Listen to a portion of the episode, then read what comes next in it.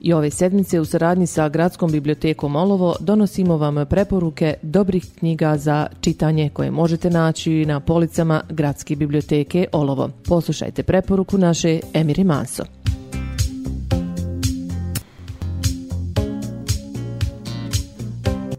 Dragi naši, pred vama su još jedne preporuke Gradske biblioteke. Dok odbrojavamo kraj decembra, pozivamo vas da se što prije učlanite u našu biblioteku i izaberete divna književna djela iz našeg fonda. Godišnja članarina za djecu, učenike i studente iznosi 5, dok je za odraslo na 10 konvertibilnih maraka. Za danas biramo dijela koja, ako već niste pročitali, uradite to što prije. Ako jeste, vrijede svakog novog čitanja, jer svakim čitanjem otkrijemo neke nove stvari i drugačije shvatimo likove i njihove postupke.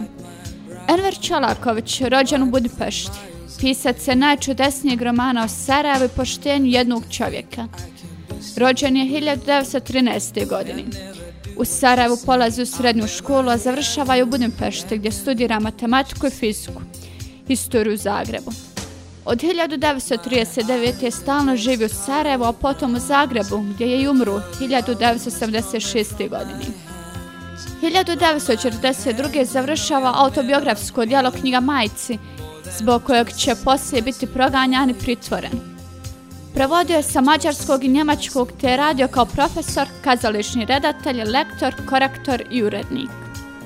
Legenda Alpaši je najprije priča o čovjeku koji svojim poštenjem zavređuje poštovanje i podsmijavanje. O čovjeku koji iz ljubavi prema ženi odbija nezlijed sigurne ponude, ali za uzrat se izbori za ženu i za bolji život. Nakon toga, to je priča i o Ameru Kasanđiji, Mehagi Bakalu, Jeršuj Bararonu, Almasi i Hasan Roman Legenda Alpaši mnogo je manje priča o legendarnom zlatnom dobu Ali Lepira, Omera Kasanđije, Mahage Bakala i drugih, a mnogo više priča o tragičnoj kobi jednog Ješua Bararona, nesretnom životu Ismet Efendije, ljubavnoj drami krasotice Almasi ili pak o sudbinskoj predodređenosti, ali je Lepira da djetinju uvredu sakrije u sebi i vine se do plemenitog čina u predgovoru, kaže Nija Dagić. Jasmin Agić ovom romanu kaže ovako.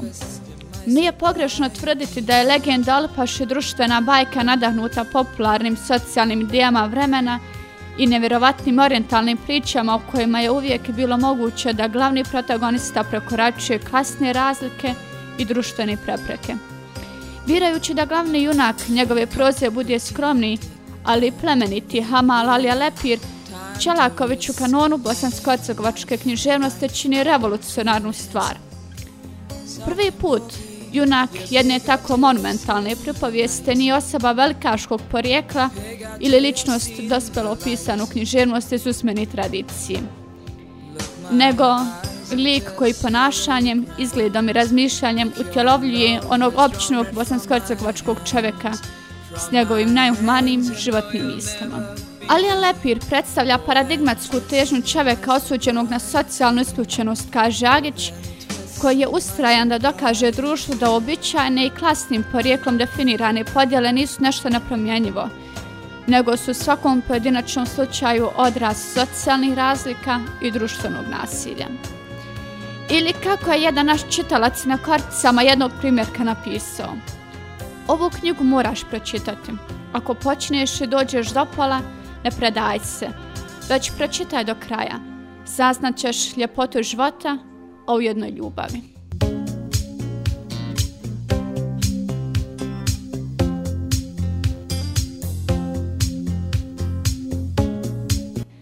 Za djecu ove sedmice, ali za odrasli, odabrali smo malog princa. Antonio de Saint, francuski je pisac i srakoplovac rođen 1900. godine. Mali princ je knjiga za djecu koja je prvi put objavljena 7. aprila 1943. godine. Od tada njegova popularnost raste i ne zaustavlja se. Do danas je knjiga prevedena na tristotinjak svjetskih jezika, doživjela i najviše adaptacija u slikovnice, stripove, igrokaze i slično. Ova moderna bajka je pravi primjer da može postati poveznica između dječje literature i literature za odrasli. Djece doživljavaju na svoj način i uče kroz igru riječima, dok odrasli otkrivaju kritiku modernog društva. Ova moderna bajka nosi autobiografske konotacije s životom pisca. Pisac se lika vjatčara koji se našao u pustinji. Trakću u mjestu pustoši, ali magično mjesto gdje se mogu doživjeti mnogi priviti fatamorgani. Motiv pustinje nadovezuje se na problem otuđenosti koji se proteže kroz cijelu priču.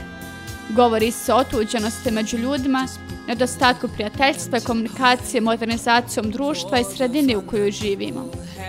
Mali princ se ujedno je knjiga o dozrijevanju i odrastanju, usvajanju spoznaje da svi moramo proći kroz tu životnu školu, kaže Silvija za portal Presedan. Knjiga puna počnih misli od kojih danas izdvajamo. Zbogom, reče mali princ. Zbogom, odgovore lisica. Slušaj moju tajnu. Vrlo je jednostavna. Čovjek samo srcem dobro vidi. Ono bitno je očima nevidljivo. Bitno je očima nevidljivo. Ponovi mali princ kako bi zapamtio. All good children need traveling shoes.